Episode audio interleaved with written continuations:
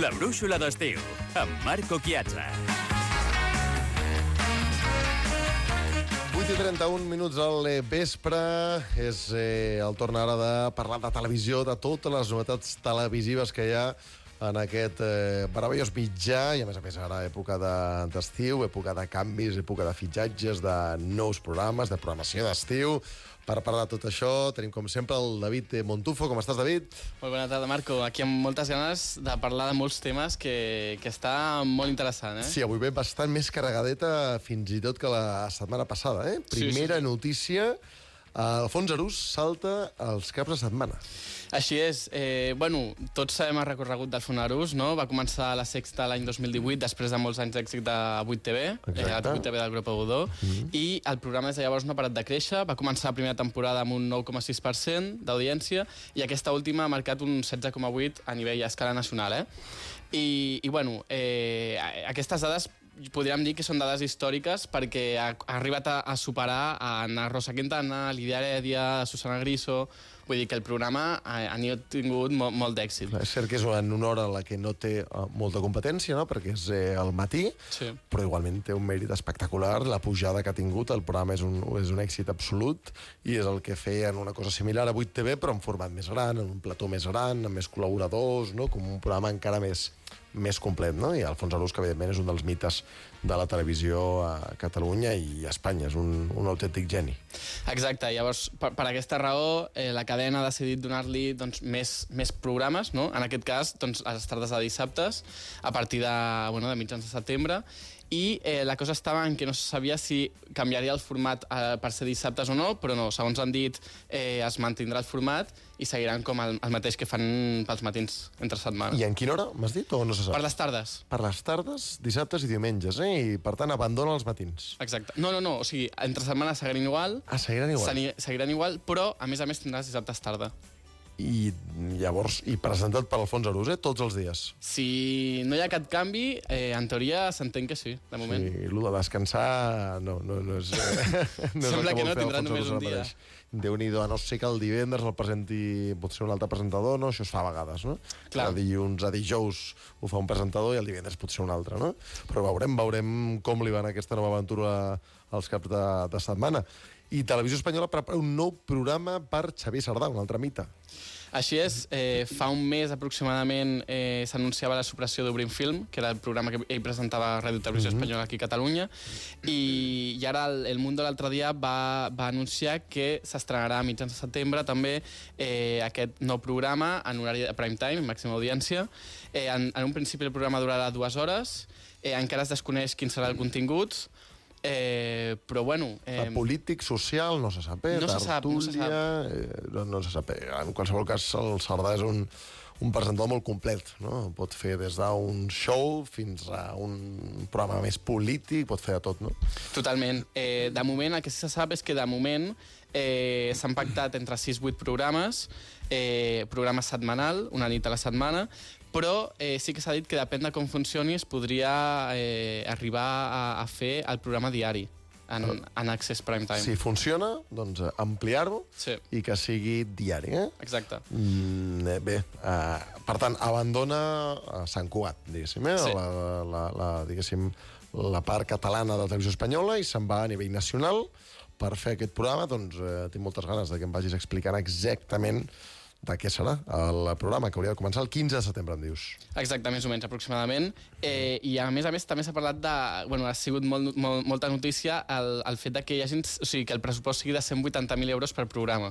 Que és molt. És un pressupost bastant elevat. Mm -hmm. Llavors, clar, depèn de com sigui el programa, doncs estarà més justificat o no, però bueno, independent d'això, són molts diners, per tant, sembla que han volgut apostar fort per aquest programa. Mm, perquè normalment la mitjana de, depèn, no? depèn moltíssim de la cadena, del tipus de programa, no? però diguéssim que 180.000 és un pressupost elevat. Clar, exacte. També depèn una mica de com sigui el programa, eh? Però, però bueno, Clar, en és un, principi- en, en, si, a, a rasgos generales, podem dir que sí. Clar, és bastant més elevat que el nostre, no, Marc Risso?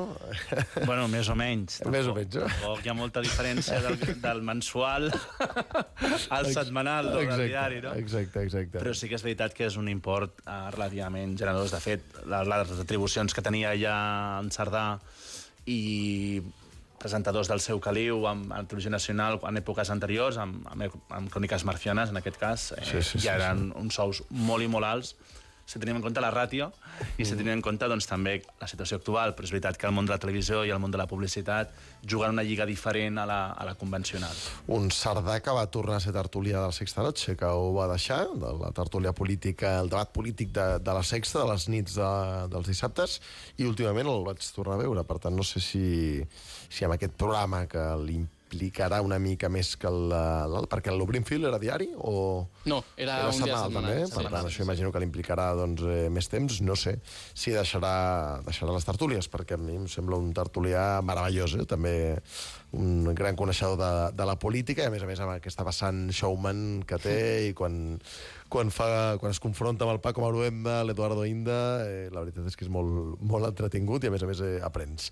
I canvis, ja ho vam eh, repassar l'altre dia, però ja es van concretar més cosetes, nova direcció, i canvis a TV3 i a Catalunya Ràdio.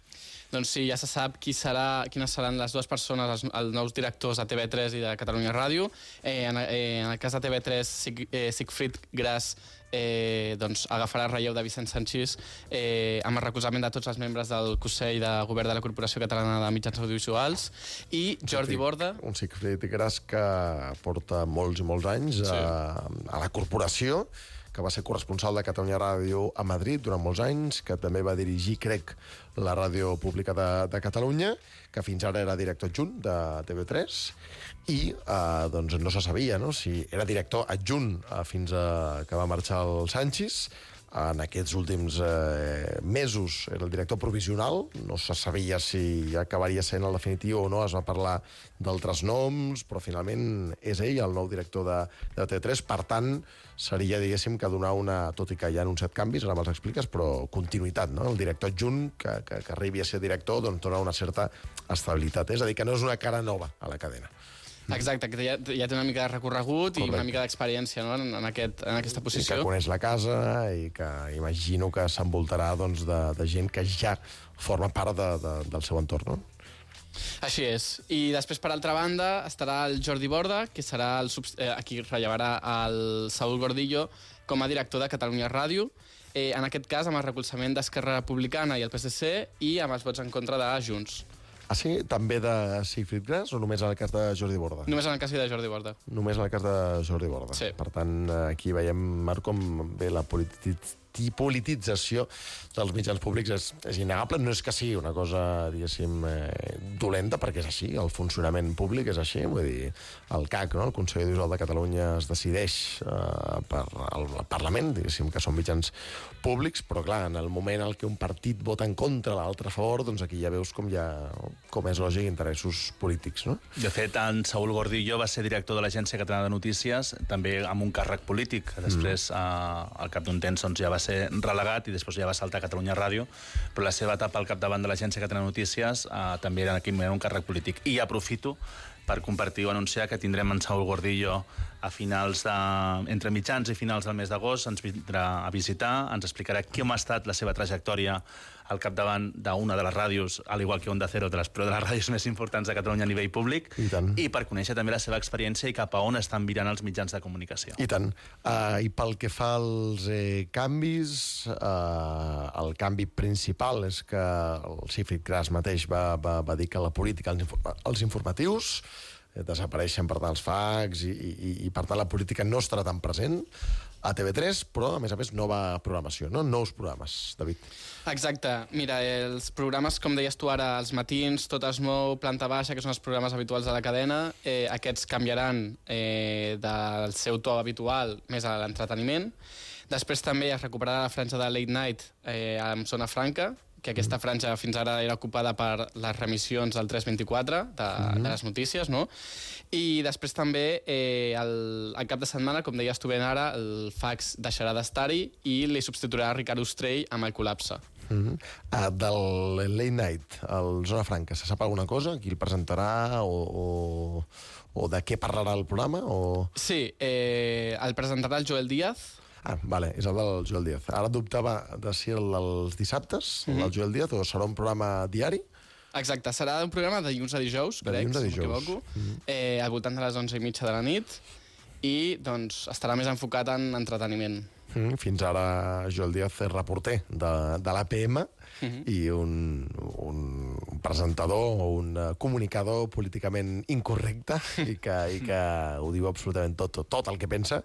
Per tant, com a mínim serà un programa arriscat i jo crec que innovador i que, i que segur que farà gràcia perquè la veritat és que té la, la, la gràcia la té dins. També ha col·laborat amb Catalunya Ràdio i presenta un programa de ràdio, crec que és un, és una bona aposta, no? Sí, doncs sí. A veure, eh, el, el nom del programa és Zona Franca, ja ho diu una mica que serà un programa de show nocturn. Clar. Eh, llavors jo crec que va una mica per aquí, el to. Mm. A mi, tot i així, em costa de creure... Eh, entenc perfectament el canvi de programació, entenc que es vulgui fer un abans i un després i potser deixar alguns dels clàssics que han marcat les nits televisives, com el fax. De fet, el fax és un clàssic, el Ricard Ostrell també és un clàssic, en el bon sentit de la paraula. Eh? Clàssic no vol dir dolent, però clàssic vol dir que està com arrelat, no? com l'altre dia que teníem amb Guillem Sanz mm. i parlàvem doncs, de que l'APM ha format part de la història televisiva de Catalunya i aquests 20 anys doncs, sempre deixen alguna connotació. A mi em costa de creure que a les portes d'unes eleccions municipals una televisió pública no hi hagi un espai per la política. No et dic que d'una manera més o menys directa, entenc el canvi de programació, al final és un canvi de lideratge, per tant els canvis de lideratge eh, moltes vegades acaben implicant un canvi doncs, d'equip, doncs, de dinàmiques, de treball i tot, però a les portes d'unes eleccions municipals que tindrem a finals de maig del 2023, que no hi hagi espai per la política, ho trobo... Jo crec que algun programa hi haurà eh, de política, potser, cosa, clar, potser no tan llarg eh, i, i no tan pressupost com el fax. Jo crec que de tota manera que els matins eh, una cosa és que doncs, potser li doni més protagonisme a l'entreteniment, però això no vol dir que els matins a partir d'ara no estaran enfocats a l'actualitat. Estic segur que cobriran l'actualitat i, per tant, cobriran la, tot el que és la política. No? Però també hi ha una mica la, la consideració de que el procés no? que, que ha durat molts i molts anys, més o menys es dona per, per acabat. Per tant, tota aquesta etapa tan, tan, tan política de Catalunya, diguéssim que ara doncs, comença una etapa nova, la gent ja no està tan interessada en, en la política catalana com ho estava abans, per tant, TV3 se n'adona d'això i fa aquests eh, canvis, però de tota manera jo crec que... I bé, els informatius, clar, els sí, informatius... No, no, l'actualitat que... eh, segueix clar. manant. De fet, la gent necessita saber des de com el que ha passat a una ciutat determinada i la previsió meteorològica que aquests anys o aquests últims dies ens porta una mica bojos amb aquestes onades de calor, es nota. La gent necessita tenir aquesta informació, necessita saber què ha passat a nivell de societat, d'economia i tot. El que pot virar una mica més és la part més econòmica. Alguna novetat Política, més de, de TV3, David? Bueno, doncs eh, l'aposta del prime time seguirà sent apostes segures, programes que ja s'ha vist que han tingut un recorregut i que tenen molt bons resultats, com poden ser Crims, El Foraster, Joc de Cartes... I també el que sí que s'ha parlat de que s'estrenarà un nou programa en prime time, que serà Quanta Guerra, presentat per l'Eloi Vila, que el que bueno, l'objectiu del programa serà descobrir com van viure eh, la Guerra Civil eh, els familiars de personatges eh, bueno, de famosos, com per exemple l'Andreu Buenafuente o l'Alberto. Mira, aquí ja tens, eh, d'una manera més indirecta, però aquí ja tens política. Eh? Vull dir, això, evidentment, sí. està associat a la, a la política. Molt bé, doncs eh, alguna cosa més respecte als mitjans públics catalans? Principalment això. Doncs eh, hem de comentar també els canvis a la nova temporada de La que s'avecina. Així és. Eh, eh, els, els veïns d'aquesta comunitat passaran de viure del mirador de Montapinar a un edifici senyorial del centre. Per sí. tant, aquesta és una de les principals novetats del programa perquè canvia no, la localització. Mm -hmm. Una eh, mica com aquí en Quem Viva, no? Aquí en Quem Viva sí que l'edifici està més al centre Exacte. de la ciutat, no? Eh, de fet, molts comentaris de, les, de quan, quan va sortir la notícia, a les xarxes socials molt es feia aquest comentari, no? de, que, sí. mm. de que recordava una mica a la, el temps de, de, de, de Qui no hi quien viva, mm. i el, el, el, la sèrie es gravarà principalment en dos platós, un de 1.500 metres quadrats i l'altre de 800 metres quadrats, mm. i també a una zona exterior que representarà el carrer on viuran els, els personatges, que a més a més també eh, es mantindran els mítics personatges, alguns d'ells, però també s'incorporaran 10 personatges nous com a protagonistes. Se sap algun nom? Sí, eh, està el Félix Gómez, que recordem de Carlos Rey Emperador, eh, també Mamen García de Senyores de Lampa, l'Àlex Gadea o la Elisabet Larena de Cuéntame com pasó. Mm -hmm. Per tant... Jo és que soc... Eh, bé, o sigui, celebro eh, aquests, eh, aquests fitxatges i segurament que la sèrie millorarà, però jo sóc dels que pensa que aquí en Aquemi era infinitament millor que la que s'avecina, però infinitament millor. Em sembla molt més natural. Eh, Els personatges me'ls creia molt més que els de la que s'avecina, que em sembla una mica sobreactuats i, i a mi no, no, no em fa gràcia, eh? però la majoria de gent sí, per tant, l'he d'ex ser, jo. L'etern debat, no? Ah, sí, sempre, sí, sempre. Sí, sí, se- segurament, segurament. Després, una cosa curiosa, i és que la justícia italiana dicta sentència pel cas de Mario Biondo. Així és, l'any 2013, tan sols eh, 47 dies després de, de que es donés aquest eh, succés tan tràgic, la justícia espanyola va dictaminar que es tractava d'un suïcidi, però aquest dilluns, eh, justament ahir, la justícia italiana eh, ha dictaminat que es tracta d'un assassinat i no d'un suïcidi, cosa que això canvia completament doncs, la idea que es tenia no? de, de què va eh, succeir realment. Eh, el Nicola Aiello, que és el jutge instructor del Tribunal de Palerm, allà a Itàlia, eh, doncs, ha dit que l'homicidi hauria ser, eh, set dur a terme per autors desconeguts eh, i que el cos després hauria estat col·locat per simular un suïcidi. Van simular el suïcidi, eh? Exacte. Mm -hmm. Pa- eh, perquè, perquè han, descartat, han descartat de que puguin eh, o sigui, que pogués fer una cosa de- d'ell mateix. No molt s'havia parlat de, que, de la teoria del, de que es tractava d'un joc autoeròtic d'ell mateix, eh, que es relacionava amb tema de begudes i drogues i tal, s'ha descartat perquè, a més a més, no se li van fer proves d'orina, d'extracció capilar. De fet, a Itàlia la justícia ha criticat molt com es va fer aquí tot el procediment, no? perquè hi ha moltes coses que es queden penjades, proves que no es van realitzar, i també han criticat molt de que no es fessin eh, certes eh, escoltes telefòniques a la gent que l'envoltava. Déu-n'hi-do, déu nhi déu que amb sis anys no, eh, de, de la mort de, de Mario Biondo, doncs eh, es van sabent a poc a poc eh, cosetes, ja anirem actualitzant el tema, i després, eh, pel que fa a, a sèries, no, a HBO, uh, The Traitors, és una estrena o, o què és això, David? És, és una estrena que arribarà a principis del 2023. No és una sèrie exactament, sinó que és un reality Un reality. Que la, la, la HBO ha volgut apostar per els realities perquè també em consta que s'està preparant un altre reality per més endavant. Eh, en aquest cas, la productora serà Yes Music, eh, i el, el programa tractarà de eh, un, bueno, un reality amb famosos que hauran de eh, donar-se a jocs físics i psicològics i la cosa tractarà de que hauran de jugar molt amb la part aquesta psicològica que et comentava eh, perquè les regles del joc seran la traïció i l'engany. Ah, sí? O sigui que, bueno, que... I on serà? On serà? Eh, Sí. crec que la, la idea, o sigui, una mica la, el, el decorat serà en un castell. Mm -hmm. Llavors eh, s'hauran de donar aquests jocs entre famosos eh, i, i, bueno, Sabem alguns famosos? Que Cristina? Cifuentes. Cristina Cifuentes. Oh, No m'ho crec. mama. No m'ho crec, Oh, eh? mama. No Sí, sí, sé sí, per sí, què, et dic que tampoc em sorprèn gaire, eh? Perquè crec No? que li... Per la trajectòria que porta últimament, no? Potser. Sí, i que li agraden els mitjans, que li agrada doncs, aquesta part pública, no?, de- d'haver estat política, i a més a més jo crec que pot donar molt de joc. Home, de presidenta de la comunitat autònoma de Madrid a un reality hi ha un tram, eh? Totalment, D'aquí totalment. a Supervivientes. Totalment, sí, sí, sí. sí, Molt sí. s'havia parlat d'això, eh?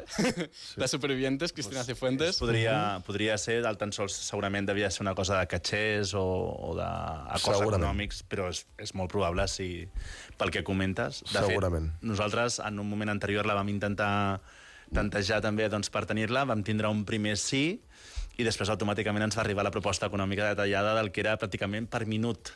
Em va passar Ostres. exactament, exactament el mateix, no, el de programa, eh? I estem parlant, Estem de, parlant de... de- quatre xifres, de més Sí. de quatre xifres per Uau. la intervenció de, de 10 minuts, eh, Exacte. 15 minuts, eh? Per tant... Eh, I per també- Skype, en el meu cas. no sé si la teva era per presencial. Skype, també per Skype. Era per Skype, també. Per tant, estem parlant... Clar, també, segurament eh, els diners, doncs també, evidentment, no, s'hi cobren, no?, en aquest reality. Sí, sí, sí. clar, estem De fet, parlant. a, aquest reality em recorda molt a un, un que es deia El Traidor, que, bueno, Mhm. de Traitors Espanya, El Traidor és, és molt semblant, però ja es va fer en l'any eh, 2006 a 4, un reality semblant, en aquest cas amb, des, amb, amb desconeguts, no? persones anònimes, i, i do- doncs havien d'enfrontar també a diversos jocs, i al final ho va guanyar un valencià que se'n va portar 49.000 euros del vot de 100.000 euros. Déu-n'hi-do, déu nhi déu I Andreu Buenafuente, el mític presentador català, ha donat una entrevista en la que parla de l'ansietat. Doncs sí, eh, com bé dius, fa 40 anys que ell porta la ràdio, no? va començar a Reus, i, i després de la seva trajectòria eh, a, la, a la ràdio i a la televisió, eh, l'altre dia Catalunya Ràdio va, el van entrevistar i va explicar que l'any 2000, en un programa que es deia La Cosa Nostra, TV3, mm. eh, va, va explicar que va patir un, un problema mental, que va haver de deixar el programa, i que doncs, eh, la seva, el, el seu canvi de vida, de, de ser una persona anònima, de, de sobte tenir eh, doncs, el protagonisme que va tenir, doncs això li va, li va provocar molt estrès eh, i ansietat, no?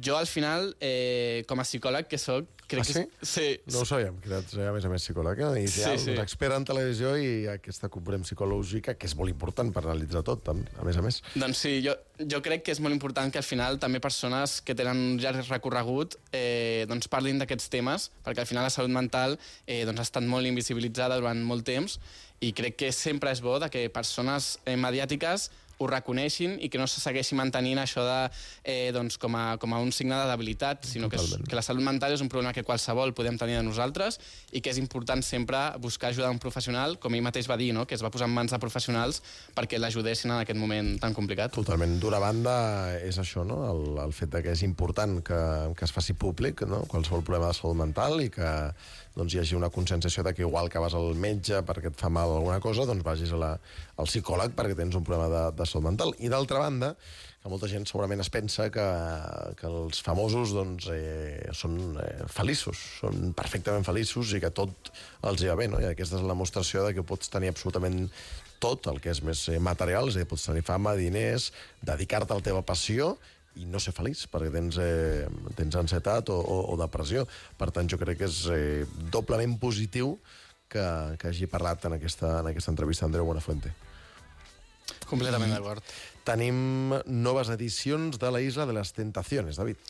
Així és, ja Telecinco ja ha gravat les temporades 5 i 6 del programa, eh, ha sigut a República Dominicana, com fins ara s'havia fet, eh, després de dos mesos de gravacions, el programa ja està gravat, ja l'equip ja ha tornat aquí a Espanya, eh, i ara ja només queden les tasques de muntatge i edició del programa, que al final... Que no són poques, eh? Perquè no són hi ha poques. molt de muntatge en aquest programa, eh? Molt és molt... Eh, jo crec que al final és la part més important del programa. Sí, sí, sí. com posa la música de fons, eh, les imatges, tot molt dinàmic, no? És una part fonamental en aquest programa. Exacte, al final és el que li dona dinamisme, no? Si no hi hagués aquesta part tan milimetrada de muntatge i edició, eh, el programa molt, mm, perdria la gràcia. Totalment. Quan s'emet, David?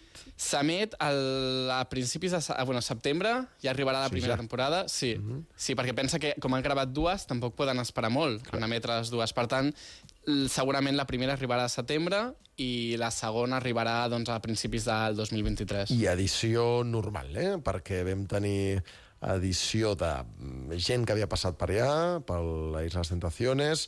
Eh, no, eh? serà una edició normal i corrent. Eh? Edició normal i corrent, Amb, eh, personatges... Concursants nous, nous, que habitualment són d'altres eh, no? programes de televisió, gent eh, que ja és coneguda, però eh, diguéssim que gent que encara no ha passat pel programa. Exacte, sí. L'altre dia, de fet, la, la Sandra Berneda va, va penjar un vídeo, bueno, el programa, no?, a les xarxes socials va penjar un vídeo de la Sandra Berneda on es va emocionar i va reconèixer la feina de tot l'equip perquè diu que ha estat molt dur, o sigui que amb aquestes paraules ja sembla ser de que hi haurà històries bastant potents, no? com hem vist clar. en altres edicions. És que Sandro ho passa malament, eh? Vull dir, se l'ha sí, vist sí, plorant en directe més d'una vegada. És que, clar, és l'amor, no? I, I veure com la gent pateix, i això demostra que, que hi pot haver una part de show, no? Però que en gran mesura és veritat el que passa, no? Mm? Hi ha alguna novetat eh, pel que fa a les normes? O en principi tot, eh, tot eh, més o menys igual, eh? Sempre hi ha alguna petita modificació, però l'essència es conserva, eh? L'essència es conserva. Eh, sí que és veritat que hem vist que durant les edicions s'han avançat i s'han fet... L'últim cop, cop va ser l'alarma aquesta, de que quan hi ha sí, una infidelitat a l'altra villa a l'altre sonava l'alarma. Correcte. Jo crec que alguna cosa ficaran nova. Sempre, sempre ho han fet. Jo crec que seguiran en la mateixa dinàmica. Hi haurà alguna petita novetat, però l'essència serà la mateixa. I que podies escollir, no? Si volies que sonés l'alarma eh, o no. no? Exacte. Podies fer aquest joc eh, psicològic. I pa, acabem ja, David Montufo, perquè Fran Blanco parla de la seva continuïtat a 8TV. Doncs sí, eh, Frank va acabar la temporada del circ, eh, a 8TV, mm. va tenir unes vacances amb la seva família a Nova York, ja ha tornat a la televisió de nou, en aquest cas a Yes Verano, que, que es va començar aquest eh, darrer cap de setmana, i eh, abans de començar el programa eh, va donar una entrevista pel mitjà eh, de Bertele, on va fer un balanç del seu pas per 8TV, valorant que havia estat el programa més eh, personal que havia fet a la seva vida, Eh, I també s'havia parlat molt dels rumors de que ell podria deixar el programa, que no continués a 8TV per la nova temporada, però ell va desmentir aquesta notícia, va dir que almenys per la seva part ell tenia la intenció de continuar i seguir vinculat en el projecte. Mm. Per tant, tot sembla ser de que el Fran Blanco continuarà amb, amb el circ. I no se sap si ho compaginarà amb alguna cosa més. Aquest any, de fet, ha compaginat 8TV amb més cosetes, no?, a nivell nacional. Sí, i també estava, uh, si no recordo malament, a Castilla-La Manxa. A Castilla-La Manxa, amb cert. un programa també doncs, de televisió, mm. amb els horaris per apamar, vull dir, això sí que desconec els detalls, però sé que compaginava les col·laboracions que fa amb els mitjans de comunicació, amb aquest programa Castilla-La Manxa, i el, el Late Night Diari, que a 8TV era diari, excepte el divendres, em sembla que tots els dies el presentava ell i el divendres sí que quedava en mans de lo que és la figura del, del director. Doncs eh, hi tenim alguna novetat més de 8TV, David? O de Doncs- moment no se sap res? De moment no se sap res, almenys jo no conec cap novetat. Eh, sí que és veritat que s'estan preparant nous programes per... Bueno, es mantindran els que més millor han funcionat a la cadena, però hi haurà nous programes, això sí que se sap, mm. però de moment no hi ha hagut notícies. Va, et garanteixo, te la portaré jo, l'exclusiva. Et garanteixo que... Vaig parlar amb el Nicola fa poc, però parlaré i va, que ens expliqui, que ens anticipi alguna coseta, no? Perquè ell em va dir que hi hauria moltes sorpreses. Moltes. Moltes sorpreses? D'entrada ja, a la marxa de l'Essan i el fitxatge de Dani Sanabra ja és una sorpresa en si mateixa mm Mhm. -hmm. i molt gran. Aviam si, si es pot parlar amb el Dani Sanabra perquè de moment no ha dit res, no ha dit res, però, però podríem parlar, parlar amb ell i suposo que hi haurà més sorpreses. Doncs sí, jo sé això, jo sé que hi haurà moltes sorpreses, però, però exactament no sé ben bé per on aniran. Mm -hmm. Doncs eh, per on creus que, hauries de, que hauria d'apostar eh, 8TV? Eh, Per programes més eh, similars als del circ? Eh, jo crec que com a entreteniment el circ eh, s'ha de mantenir. Crec que és interessant poder convidar a protagonismes i tenir aquest show una mica, no?, de doncs, entrevistes a personatges, però a la vegada també amb una mica de joc. Crec que... Que estrenarà Plató, per cert, al circ. Sí, sí, sí, sí. sí. Mm. I jo crec que també es podria apostar per la franja matinal, algun programa de matí que fins ara no, no es tenia a 8TV. Clar, hi va haver el 8 al dia que no va funcionar, el directe a Catalunya que tampoc va, va funcionar. És que la competir amb TV3 amb informació és complicat, no? I jo crec que 8TV sap això, no? És complicat. Bueno, aviam, ara amb les notícies de que eh, TV3 vol apostar per l'entreteniment, potser és una oportunitat perquè 8TV aposti per informació en els matins, potser. I, o per política, perquè de fet ja si analitzem, Josep Rull eh, bé, ha presentat un programa a 8TV, uh -huh. Artur Mas uh -huh. ha presentat un programa també a 8TV, Format podcast que Exacte. ha impulsat l'expresident. exacte, i no sé si havia... si Jordi Turull havia fet alguna cosa també, no sé si hi havia un altre polític Sí, que... crec que era aquest programa de Cela... No, aquest, del, és el del Josep Rull, Aquest és el del Josep però crec que... Bé, et poso deures, David Montufo. Setmana que hem d'explicar algun avenç de, de 8TV. Gràcies, eh, David Montufo, psicòleg, col·laborador del món de la tele. Adéu, que vagi molt bé. Gràcies.